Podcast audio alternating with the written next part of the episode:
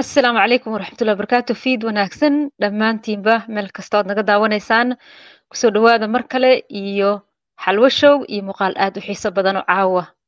Aad sidaad arki doontaanba aad kaga faa'iidaysan doontaan haddii ilaahay idmo. Muuqaalkan caawa waxaan ku falanqeyn doonaa aniga iyo weliba mataankayga mar kale haddii aan ku celiyo barnaamij aad u xiiso badan buug cusub oo soo baxay ee la wada sugaayey ayaan ku falanqeyn doonaa. Waxaa caawa barnaamijka marti igu ah faysal sen shanwiil oo aad wada taqaana shanwiil soo dhow ku soo dhow xalwo show. Maasha allah xalwo show xalwo hilaal. Aad ayaa u mahadsan tahay mar kasta inaan ka soo muuqdo programyada wadid sharafa ii tahay. Waa salaamayaa mahadka bacdi asxaabtaada adduunka dacladiisa kaaga xiran meel kastay joogaan africa asia iyo yurub iyo iyo qaaradda america iyo waxaan u malaynayaa latin america maxay lagaa daawada xalyo caadi ma tihin. Meel kasta meel kasta meel kasta. Markaad gashid qaybta analytics waxaa lagu leeyahay meel kasta waa laga daawadaa soomaalida waxaan ku yidhi aad ay u fara badan yihiin maasha allah baarak allah. Marka maasha allah caaway waa habeen kale xiise leh. Waxa waaye waan isbara doonaa wax badan oo xalwo hayse iina ogeynaa jira. Wax badan oo maaragtay cilmigii aan ka dhaxlay oo aniga maaragtay maalinba kis yar iga soo ifbaxaya aad arki doontaan cilmigii xalwaa ka faa'iiday saddexdii sano ama afartii sano. Ugu dambaysa isdhaqaanay waa kaasa buug ka qoray. Maanta waxaa idiin wadaa waxaan u bixiyey riyo oo isku beddesha xaqiiq waxaa dhahaa dream to reality ayaa dhahaa bugan maalin ayuu riyo igu ahaa inaan qoro maantana waa kaasaa asoo hard cover ah maaragtay hortiina ka muuqda kasdareen marka maasha allah kanaa macaa maaragtay aan ku faajifaajoonina maasha allah faysal shanwiil aad iyo aad ayaan ugu faraxsanahay. Caawa in aad buuggii xiisaha badnaa ee aan wada sugaynay sanado badan ani waxaan lahayd goormo mar gacantaada soo geli doonaa in caawa buuggi diyaar uu noo yahay. Isla markaana weliba caawa aad inoo taaban doonta sida buuggan looga faa'iidaysan karo waxyaalaha buuggan uu ka kooban yahay sida buuggan uu u ahaa riyo aad ku riyooto isla markaana aad miiska u soo saartay ee aad oga dhigtay wax la taaban kara objective aad oga dhigtay ayaan insha allah doonaa marka ugu horeysa ma aha markii ugu horeysa ani faysal aan soo galno live ama aan barnaamij isla falanqeyno runtii barnaamijyo badan ayaan wadnaa kuwa kaloo xiise lehna way soo socdaan laakiin caawa waxaan falanqeyn doonaa buugga kastareen faysal markaan eego ani waxaan ku yidhahdaa adaa macalini ah isagana wuxuu igu yidhahdaa adiga macalini ah waa kala faa'idnaa runtii. Waxaan nahay laba qof oo wax kala barato. Dhammaanteenna waxaan nahay laba qof oo arday ah. Nolosha waxaan u nahay arday. Everyday waxaan baranaa wax cusub waxaan kala baranaa wax cusub waxaan banaanka ka soo baranaa wax cusub waxaan falanqaynaa wax cusub. Maasha allah faysal buuggii ugu dambeyn waad soo saartay. Waxaa la yidhi gabadha markay foolanayso qoyska iyo xaajiga iyo cid kastoo ku lug lehba way soo duceeyaan. Ilaahu kala keen ilaahu soo kala aruuri. Afar indhooda nabad ah. Buugga waxaan lahayn ilaahu soo kala aruuri oo isagoo nabad ah keen. Maanta gacanta ayaad ku haysaa. In badan oo daawadayaashaydan insha allah way sugi doonaan. Meeshaad ugu diri lahayd meelaha laga hela inta waad nala wadaagi doontaa. Haddii lahay idmo buuggaani inaba caadi ma aha. Yaana hordhicin. Faysalow buuggaani maalin buu ahaa. Waxaad inooga sheekaysaa. Marka ugu horeysa buuggan horto riyadii uu ahaa iyo sidaad u rumaysay iyo sidoo kale buuggaani waxyaalaha uu ka kooban yahay. Kastareen ereyga marka la yidhaahdo qof walba wuxuu isweydiinaya talow ereygan kastareen muxuu ahaa? Xagee laga keen? Soo dhow faysal. Maasha allah waa su'aal fiican. Runtii barnaamijkana mudan inaynu ku furfurno. Kasdareen waa erey aan anaa curiyey. Dhowr bar waa sheegay. Anaa curiyey sidaas darteed dhegihiina uu ka cusub yahay. Qofkii ani ay aqooninin hubaal waaye. Macnaa ma aha inaa soomaali kaa badiyo laakiin ereygaas uu kaga cusub yahay. Laakiin haddaa taqaanid ama shawiil aad taqaanid ereygaas kuguma cusbo marka waa kaskii iyo dareenkii waa laba erey oo hal erey ka dhigay. Sababta kaliftayna waxa waaye in aa waayey hal erey oo jamciya caqliga iyo qalbiga. Luuqad kasta adduunka. Afbersi af urdu af mandarini waa saddexda waxaa la dhahaa luuqad adduunka ugu fac weyna la dhahaa. Afka bershiyaanka urduga hindiga ah iyo mandariniga oo ah chineska xataa ingiriiskan oo kadabatuurka ah malahan malahan hal eray. Soomaalina hadde waxa waaye ma dhahayo af soomaali qani maaha dadka aaminsana ahay luuqadeena inay qani tahay laakiin halka arrinoo ku dhaliilsanahay oo buugaygana aad ka dhex arki doontaa waxa waaye erayada cilmiga ah ayaa nugu yar. Macnaha erayada cilmi qalaad ayay nugu yimaadeen. Marka ma u hayno ama waa inaan sidooda u qaadanno erayadii oo sida buugga iu qoran ah ama waa inaan maaragtay macbilayno waayo laakiin erey sidiisii u turjumaayo ma lahan. Marka kasdareen waa erey aan curiyey shan iyo toban sano ka hor. Shan iyo toban sano ka hor. Labada kun iyo toddobadii ayaan curiya. Buuggaas magaciisa labada kun iyo toddobadii aa la curiyey shan iyo toban sano kabacdi ayaana buugga la qoray. Marka buugga sagaal cutub uu ka kooban yahay waa sagaal cutub. Waa sagaal waa sagaal fikradood ama sagaal habit af soomaali waxaa lagu dhahaa caado. Waa sagaal caado oo aan is idhi qof kasta oo biliaadana qof kasta oo biliaadana ani soomaaliya wax u qoray. Haddii uu caadooyinkaas uu noloshiisa ku dabaqo psychologyga la sheegaayo inta ka soo harta uma baahna.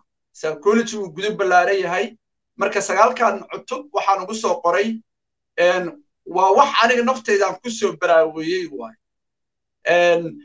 Fikrado badan ayaa igu jira. Weligay dadka lama sheergareeyo qofna kuma waaniyo waxaanan aniga ku dhaqminin ama aniga aanan aaminsanayn. Marka buuggan sagaal cutub ka kooban saddex boqol iyo iyo cotton bage ah saddex sane lala qoraay saddex sane lala qoraay maasha allah aad iyo aad. Runtii buuggaasi anugu weli gacantayda maana gelin maana akhrinin.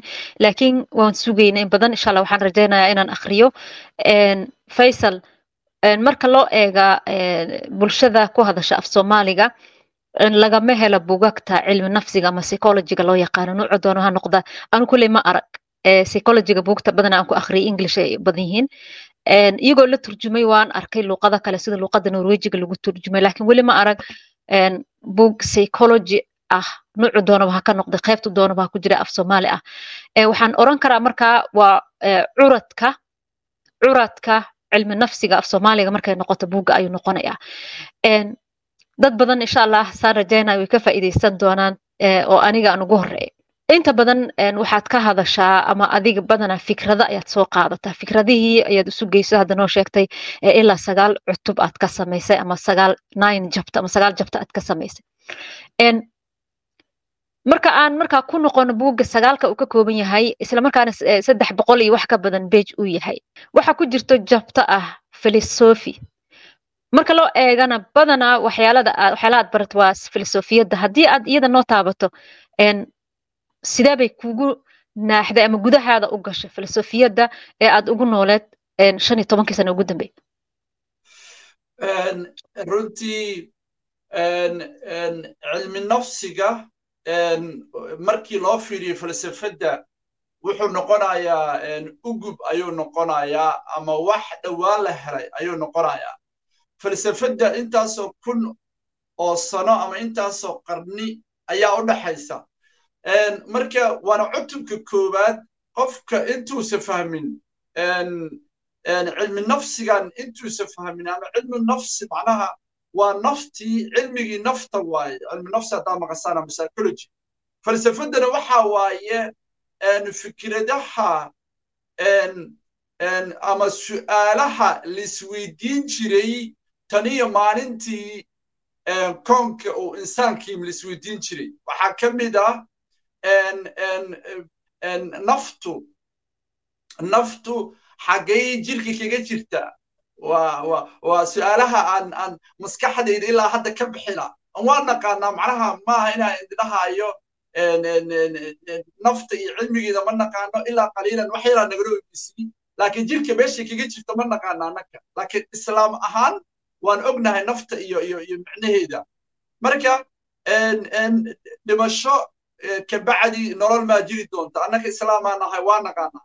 Marka waa su'aalahaas marka qofku in si guud qofku uusan ugu dhicinin shubahaad su'aalahaasoo kale hadday ka soo horbaxaan ama falsafadda la sheegaayo ayaan maaragtay ayaan mar kasta ka soo horjeedaa ama aan wax badan aan u dagaalami jiray. In su'aalaha qaarkood aniga isweydiiyo oo su'aalaha xaq baa u leedahay daawada adiga fiirsanaya haddii diintaada aysan durayninin ama diintaada aysan ku xadgudbaynin inta ka soo harta inaad calaamatu su'aal aad dul saarto xaq baa u leedahay anaa anaa ku dhahay aniga igu raac aniga igu raac inaan ku dhahayo ma aan anaa kaa saxan laakiin waan waa qaacido ciduna igula murmi karin wixii diinta ka soo harta calaamatu su'aal aad dul saari karta siday macquul ku tahay fikradaha qaarkood? Falsafada haddaa maqasho waa fikrad.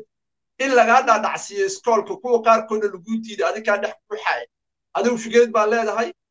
Wixii diinta ku saabsan xataa anigu waan ka soo horjeedaa dhaqanka. In la dhaho dhaqanka macallama taabtaa waayo. May dhaqanka qaar wanaagsan baa jira iyo qaar u baahan in maaragtay la duro.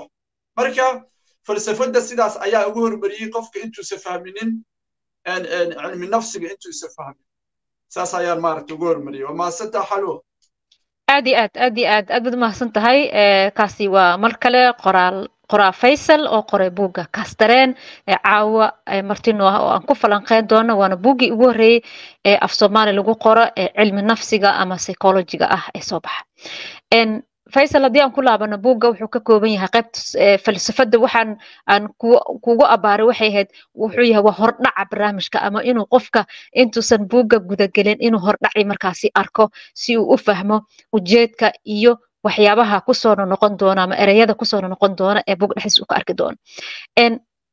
Markaan ka soo tagno falsafadda jabtooyinkan aad qortay ama qeybaha uu ka kooban yahay buugga erey ahaan af soomaali maxaad ugu qori weyse anoo ka duulaya hal fikrada waxaa jirta runtii waxaa la yidhi waxaas ceebtay ma ahan laakiin waa caadadeyda. Oo mahmaayo jirta waa idinka weynaha igu qaataa waxaa jira anigu wax kastoo samaynayo waxaan jeclahay inaan inaan jaan gooni aan noqdo ama gooni daaq inaan noqdo. Macnaa in wax in wax liila wadaago.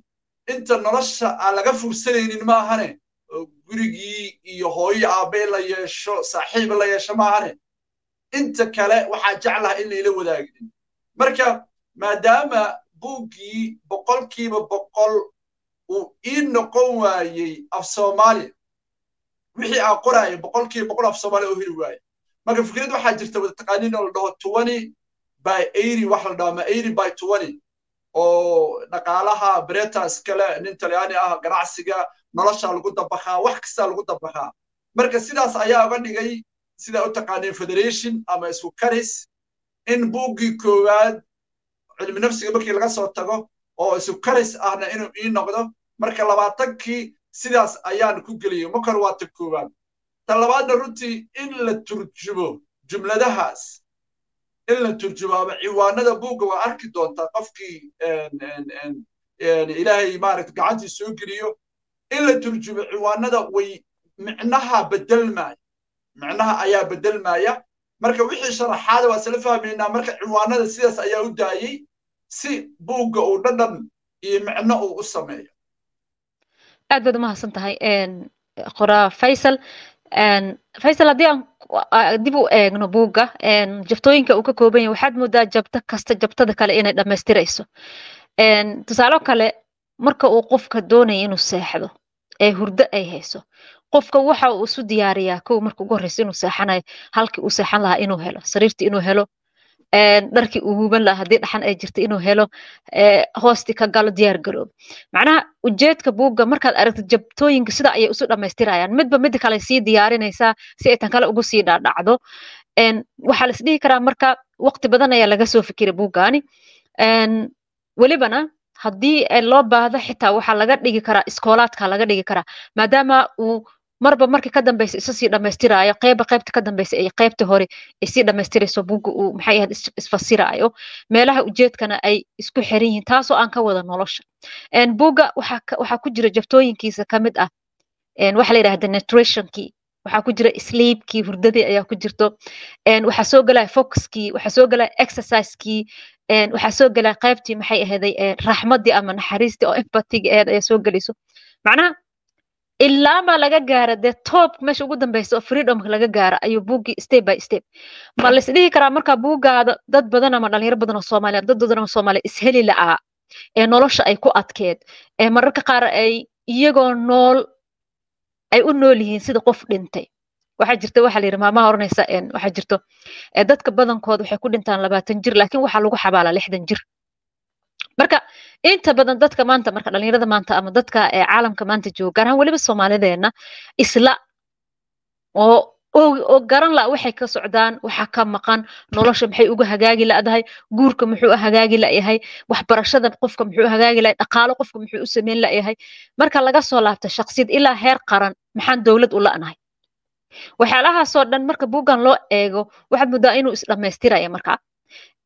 Runtiina kulley kama hor dhacay laakiin qof walba markuu akriya ayuu ogaan doonaa steebyadaasi marka haddii aad noo soo koobtid siyaabaha silsilad ahaan nolosha isugu xiran tahay iyo buugga sida markaa uu qofka u hogaaminayo ama u gayrgaraynayo marka qofka akhristo buuggan markii bandhig faneedyada markaan dhigaya buuggan soo dhowaada mar kale inta norway ama viking la nool soo dhowaada waan is arki doonaa waan idiinsii sheegayaa buugga wuxuu ku dhisan yahay concept ayuu ku dhisan yahay. Sagaalkaas erey kasdareen waa sagaal erey waay sagaal erey erey kasta macnaha fikrad ayuu istaagsan yahay. Buugga laakiin kuma qorna buugga kuma qorna. Laakiin wuu ku dul wareegaya. Marka conceptigaas intii waxaa u yeelan doonta calaf intii aan life isku hor istaagi doono hadda tor yuruba bilaabaya hadduu ilaa yidhaahdo norway hadda kabacdi inta aan hubo finland ayaa ku xigta. Reer finland waan islaamaynaa hadda halkaa naga daawanaysaan. Finland ayaa ku xigta intaa hubo hadda. Marka conceptigaas marka ka soo tago buuggu u yimaado sababtaas kuu xiran waxa waaye qofka marka inuu nolosha guud uu fahmo oo falsafadii ah. Falsafaddu waxay ka hadashaa nolosha marka nolosha guud iyo dabiiciga markuu qofka fahmo kabacdi asaga ayaa isfahmayo ah cilmi nafsigii adiga markaa isfahantid oo adigaa isbaratid xaggee ka bilaabaysaa waaye marka. Waxaa la dhahay qofka wuxuu ka kooban yahay ama waxa uu yahay dabeecaddiisa ama waxa uu ku celceliyo. Maantay meeshaad joogtid waxa ku keenay ama ku dhigay wixii aad soo samayn jirtay intaad nooleed ma ka murmi kartid taas. Marka markii aan idhi noloshii guud ha la fahmo kabacdi qofka naftiisa ha fahmo maxaa ku xiga? Waxaa ku xiga inuu samaysto caadaad inuu samaysto. Kabitaalka saddexaad waaye. Okay caadaadkii ayaan maaragtay wax kasta waxaa ka dhigay si fudud oo one oo one ayaa u soo gaabiyey. Macnaha haddaa intaas fahantid inta kale waa ku darsi waaye laakiin intaasaa kugu filan. Maaha inaan buugayga fahansanayo laakiin hubaal maskax furan qalbi macnaha nadiifa. Indha maaragtay ii sheeg aragti fogle haddaad ku fiirisid waa one oo one ayaa kuu soo gaabiyey caadooyinkii marka caadooyinka way badan yihiin. Intee ugu muhiimsanaa isweydiiye meelaa fadhiistay caado qofka inuu samaysto. Intee ugu muhiimsan waxaa ugu muhiimsan saddexdaa isdul saaran aa u bixiyey saddexda tiir ee caadooyinka u bixiyey waxaa uga horreysa cuntada oo raashinka uga horreeya ama nutritionka. Maxaa ku xiga marka? Waxaa ku xiga cunto markii la cuno maxaa loo baahan yahay? Jirka inuu dhaqdhaqaaqo. Haddii kale waxa waaye haddii kale waxa waaye sheekada tegeye waxa waaye waa waa naaxi haddii kale. Waa inuu qofka nashaad iyo jimicsi u sameeya. Kabacdi hurdada ku xigta. Hurdada in la saxo ayadana ayaa ku xigta. Saddexdaas caado marka maxaa ku xiga qofka caado abuurtay. Waxaa ku xiga in la joogteeyo. Maxaa waay marka kabitaalkeena shanaad marka waa foxin waayo wixii inaad joogtaysid. Maanta adduunyadan aanu joogno inuu qofka diirasaarya u yeesho ama uu wax joognon taas bay isku sharaxeen? Aninkaba ogtihiin niiska dhawaaqaya ee xamara lagaa soo wacaya ama soomaaliya ilmihii iyo iskoolkii macallimiintii kula soo xiriirayaan biila lagaa rabaa shaqadii yaa ku rabta you name it you name it. Marka taasna waxa waaye digital addictionka ayaa wax badan carqaladaha ama dhabqiyaasha ugu weyn waa social media ayaa wax ka sheegay. Intaas qofka markuu sameeyo asagaa iska soo dhammaaday marka ani waa dhahaa waayo maqasheen intay intay ku xiran adi iska soo dhammow intaad faraha taagtaaginin adi iska soo dhammow kabacdi marka waxau imaanaynaa bini'aadankii marka noloshii waa fahmay anigii waa isbartay dabeecadihii igu hay lahaa noloshaydii hagi lahaa waa dhistay iyo dhaqamadii waa inaa marka bulshadii. Waxa adaa iska soo dhammaanaysid markaasaad gacanta haatinayn inta yar taqaanid ummadda kalea u yeeraya marka ummadda kalea u yeeraya marka ummaddii waxay kaa rabaan dhexgal faharay kaa rabaan isma taqaaniin. Inaad marka naxariistii iyo combashonkii iyo dhibritii iyo dabeecadihii kala duwnaa ayaa ku jira. Personality traitskii aa markas ka hadallaa ku jira waa kabitaalka ugu weyna waaye kabitaalka ugu weyn waa kabitaalkaas. Waxaa jira wax xalu ah xiisaysid oo adiga ay bartay oo ah lacagta. Financial freedom a ugu dambeeya marka. Financialkii waa ka reebay. Xoogaa dadkiisaysa u dhixinin. Dad sideedoo kale waxaa jirta lacagta xasaasiye ku qaba marka freedom dadkay wada jecel yihiin freedom laakiin lacagta lama wada jecla waa la wada jecel yahay laakiin waddadii loo mari lahaa la aqoonin ana hadda waa jeclaha laakiin waddadii loo mari lahaa adaana beraysa insha allah marka lacagtuna farxad ma keentaa anaa ku dooda ma keento. Maxay tartaa lacagtu noloshay fududaysaa?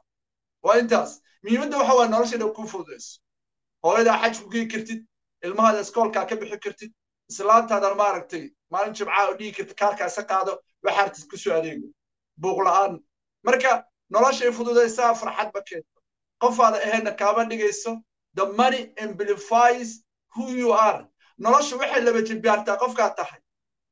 Qofkaa tahay haddaa qof xun ahayd erayo badan af qalaada rab inaan dhaho laakiin afkayga ma fiicno inaan waxyaalahaas maro. Qofkaad ahayd adaa istaqaanid. Qofkaas le laba jimbaaraysaa qof fiican haddaa ahayd waa ku laba qof xun haddaa ahayd waa ku laba marka sagaalkaas sidaas ayaan maaragtay hore ugu sheegay waa wax ani aan dareemay waa waddo aan soo maray waaye oo oo aan aan aan aan rajaynayo inta aan dareemay in aan idinkana ku dareentaan insha allah aad iyo aad maasha allah runtii waad noo soo koobtay iyadoo si weliba si waadax ah oo dhammaystiran. Faysal buugga waa fahanay hadda ujeedkiisa iyo maxay ahayd magaca buugga iyo jabtooyinka uu ka kooban yahay buugga. Markaan ka soo laabano waxaad degan tahay norway bandhiga buuggana wuxuu ka dhacayaa magaalada oslo ee norway. Insha allah waqtiga kolley waa soo cayumi waa soo sheegi doonaa inta ka soo qaybgeli karto oo ka faa'iidaysan karto iyo inta kale.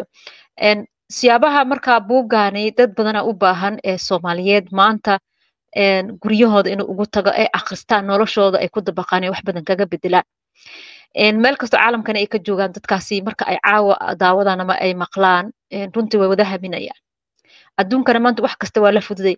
Buugga haddii maanta aan loo baahdo marka laga soo tago reer norway iyo reer finland oo iyagana ku soo socdo dadka kale caalamka jooga sidee buu ku soo gaari karaa? Xagee bay ka heli karaan? Buuggan dabcan yaa gaar aad ugu talagasho oran maayo sababtoo ah waan ogahay cid kasta ee ka faa'iidaysan karta inay buuggaani uu quseeyo ka faa'iidaysan doonaan. Marka laakiin sidee lagu heli doonaa? Bandhigiis ugu horey goormuu noqon doonaa ma amazoma laga dalban doonaa ma maxay ahaday si dadka waxay ugu imaan doonaa gobollada ama wadanka maxay ahaday qeybihiisa kala duwan ka dadka ka heli kara xagee laga heli karaa buugga haddii la daahfuro? Reer norway waxa waaye sidaa sheegnay gobolka weyn oo hadda la isku daray vikin ama inta nawaaxigaas degan caasimadii agagaarkeeda bishii ko iyo tobnaad sidii xalwa sheegtay waana hubaa waa bishii ko iyo tobnaad laakiin taariikhda waa idinla soo wadaagi doonaa. Laakiin waa bishii ko iyo tobnaad isii diyaariya. Isii diyaariya. Intii karaankayga ah waan hayaa numbers kama sheegayo laakiin waa qayb yar baan hayaa insha allah waa heli doontaan laakiin ma aaminsani in dadka imaan doona ay ku filnaan doonto. Cadad yar waaye cadad yar. Marka taas markii aan ka soo tago qof kastoo daawanaya amisonka ku jira xalu kolley linkiga waad saari kartaa amisonka ka dalban kartaa. Waxaa idinka codsanayaa keliya qofkii dalbada inuu review inuu review noo reebo. Intaas keliya ka codsanayna. Marka waa sida caadiga amisonka buwaagta kale ugu jiraan ayuu ugu jiraa. Marka reer norway ayaa marka rabaa inaan u sii sheego haddii aad rabtaan waddanka gudihiisa meel kasta aad ka joogtaan ama gobol kasta waad na soo dalban kartaan waa idiin imaanaynaa waa idiin imaanaynaa waa isla shaaxaynaynaa laakiin hadda bandhiga wuxuu ka dhacayaa vikin gobolka vikin keliya ama caasimadda iyo nawaaxigeeda bishii koo iyo tobanaad taariikhda waa idin soo sheegi doonaa marka reer norway magaalooyinka waaweyn na soo dalbada aniga macna xalwo macallimiintayda macallimiin kalaa leeyahay macnaha ii sheegeen maxamed cabdimalik. Waa badannahay na soo dalbada marka insha allah. Maasha allah aad baad umahadsan tahay. Mar haddii amazon uu ku jiro dad badan way dalban doonaan. Keli yurub ma aha qaarad badana laga soo dalban doonaa. Markaan u laabano markaa wadankii soomaaliya ama muqdisho ha noqoto ama gobollada kale dalka ha noqoto dadka jooga iyaga sidee bay ku dalban karaan. Baahidii ayadoo jirta oo taagan ayaan ka soo tegey waxaa ku soo bandhiga caasimadda muqdisho caasimadaha kale soomaaliya ma gaarinin wakti ugu yaraa darteed sidaas oo tahay hal koobi ugama soo teginin.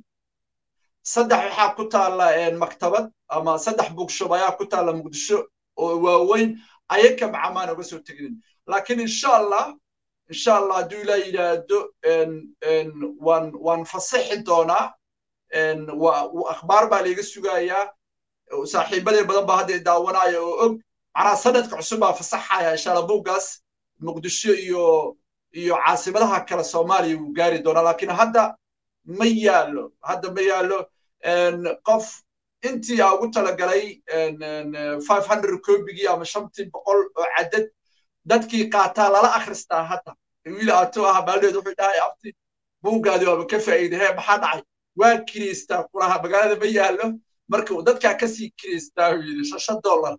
Marka afar iyo toban beri ayaa maaragtay aan u qabtaa u dhahay. Marka wuxuu dhahay masraacayga waa meel meelow iga soo baxay masraacayga. Marka sidaas waaye iga raalli ahaada waan idiin soo fasixi doonaa sanadka cusub ee wixii ka dambeeya insha allah reer africa faysalow kula kaftame qofka markuu africa jooga bugag yurub laga soo bandhigayo u arko runtii hayakac ayaa ku dhacay. Waxaan xasuustaa labada kun iyo kow iyo tobankii two thousand iyo elevenkii ayaa waxaa tvga tvyadan soomaaliya ka mid laga soo bandhigay buug la yidhaahdo hogaaminta wanaagsan. Marka waxaan deganaa xeryaha qaxootiga dhadhaab. Markaa arkay runtii buugga aad buu ii galay waxaan ku yidhi buuggan waan dalbanayaa waxaan raadiyey ninkii buugga qoraaga buugga markaa london ayuu deganaa.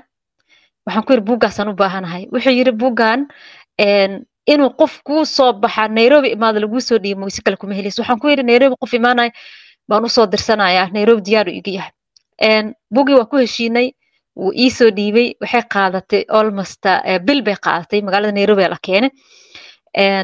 Markaasaan soo la ii soo gudbiyey buuggaas ilaa hadda waan akriyaa sanad kasta waan akriyaa ilaa hadda marka qofka markuu jooga africa jooga buugagta la soo bandhigaayo uu arka qofkii inuu qof wax akriyo uu jecel yahay haye kac badanaa gelaayo. Marka insha waxaan rajaynayaa dareenkaasi waa idin qabaa. Insha allah mar buu idin soo gaara iska suga. Haddii sanadka cusub la gaaro buuggii uu markaasi meelo badan oo gobollada gaaro daabacaadiisana la badiyo insha wuu idin soo gaari doonaa. Ugu dambeyn macalin faysal waqtigaada anuu kaaga mahad celinayo marka buugga laga soo taga cashiro ayaad bixisaa iyo koorsooyin. Buuggaasi ku saabsan ama fikirkaada ah kaas dareen ku saabsan ayaad bixisaa. Waxyar maa inooga taaban kartaa koorsooyinka iyo cashirada aad bixiso si dadka ay uga faa'iidaystaan. Fursadda maashanta halwo waa sax. Waxaa la yidhi wax kasta waxay leeyihiin xad. Ayay leeyihiin. Ama sidaa sheegtayba ay ku qaangaaraan waxaa dareemayaa maanta inaan sheegan karo inaan macallin noqon karo inaan macallin noqon karo. Kalsooni ah ayaa i gashay. Waana dalabaad ka yimaadeen runtii dadka aniga yaqaana. Sanadkii horena waan bilownay ardaydii qaar way ku jiraan. Ama wayna daawan doonaan. Marka waa koorso silsilada oo isku xiran koorso dhigi karno waa casharo joogto u baxa. Runtii maalin kasta wiigii hal maalin maalin kasta oo xadana noo baxa toban bilood ayaanu dhigannaa bisha ramadaanka waktigu kaga soo aada sanadka fasax ayaynu nahay. Iyo bisha toddobaad oo anigu aan fasax qaato shaqada fasax ka qaato. Marka waa sidii curriculum oo waxa u sameeyey iskoolaad waa semesterkii waa shan bilood. Marka casharadaas holistic psychologyga ayaa baxa waa dareen ani ugu jira. Waa casharo waxaan dhahaa waa casharadii cilmiyeysnaa hubaal meelay ku qoran yihiinna ma arkaysid? Jaamacadna kama dhiganaysid. Jaamacadna kama dhiganaysid. Marka waxaa dhahaa siin sblivin isha ayaa kuu macalina. Keligayna ma dhiga ogaada macalimadeydana way la dhigtaa. Galaaskaas marka ha moogaanin hadda ka dambeeya cooga iyo iyo supervisorka iyo iyo managementiga macalina xalwa ayaa noo haysa. Aad kala soo xiriiri doontaan. Wixii ka dambeeya maxaa la dhahaya caawa. Haddii aad danaynaysid noloshu ma ahan lacag keliya maaha nolosha. Noloshu lacag keliya maahan adduunyada waxa la cayiriyo maxaa ugu muhiimsanaa yidhi waa laba shay oo labaduba ay macnaha ii sheegay ha ka bilaada waa happiness iyo healthy. Caafimaadka qofka hadduu ka lumo wax muhiima uma lahan. Farxaddana wax kastaynu samaynana farxad ayaynu ka raadinaa. Marka caafimaadka ma midii ilaahay uu gacantiisa ay ku jirtay mise midii maskixiyanteed annagu waxaan naqaanaa qof gacan ka jabtay kelli xanuuntay isha maxaa la dhahayay ay ay maxaa la dhaha aragtida ay yaraatay. Laakiin annaga waxaan ka hadlaynaa psychological ayaynu ka hadlaynaa caafimaadka dhimirka. Taas waaye in aad subaxii aad soo toostid adigoo maskaxdaadu ay ay degan tahay. Nolol maalmeedkaadana carqaladaha iyo dhabqiyaasha ka ilaalin kara. Haddaad reer leedahay haddaa ilmo leedahayna aabe ama hooyo wanaagsan waa intaas intaynu maaragtay aynu aynu aynu maxaa dhahaya ardayda ama dadka aynan uga faa'iideyno aqoonteena intay leegtahay marka soo dhowow mar labaad iyo mar saddexaad. Maasha allah aad baad u mahadsan tahay halka caaw waxaan ku falanqaynaynay buugga cusub ee cilmi nafsiga ee soomaaliga ama af soomaaliga ku qoran ee kastareen annagoo ka faa'iidaysanayna ayaa koorsadaas siina insha allah sidaad maqliseen baa idinkugu soo bandhignay fursadda weli way furan tahay waad ka faa'iidaysan kartaan inkastoo sanadkan aan xooga saaraynay dadka yurub jooga waktiga oo nagu yar darteeda iyo xilliga oo kala duwan darteeda waxaan ku soo laabanaya markaa buugga buuggaani bulshada soomaaliyeed waxaan rabaa inaan u sheego mar kale ma aha buuggaani buugagti caadiga ah ee iska akrin jirteen oo la akrin jira iska akri loo akrinaya ma aha. Buuggan wuxuu kaa anfici doonaa qayb kasta ee noloshaada ka mid ah dacal kasta iyo daraf kasta noloshaada ka ah.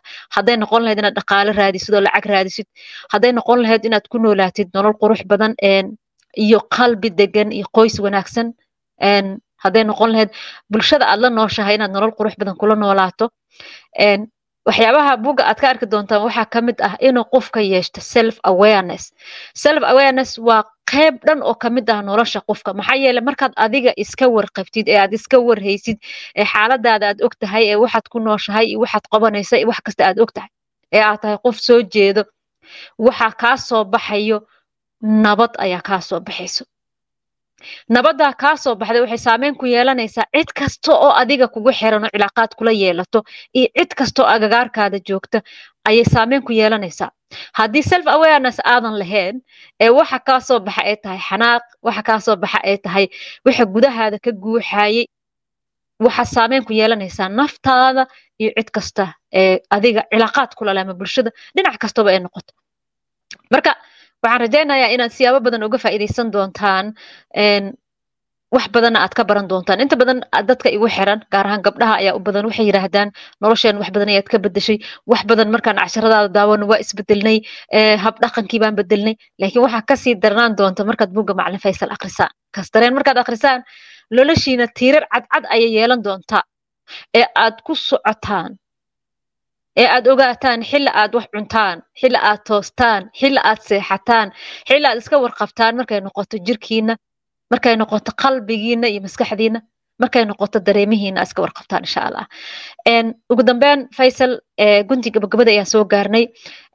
Waxaana u ballansanahay buuggii qaybtii bandhigii yurub ay bilaabato gaaraan waddanka norway.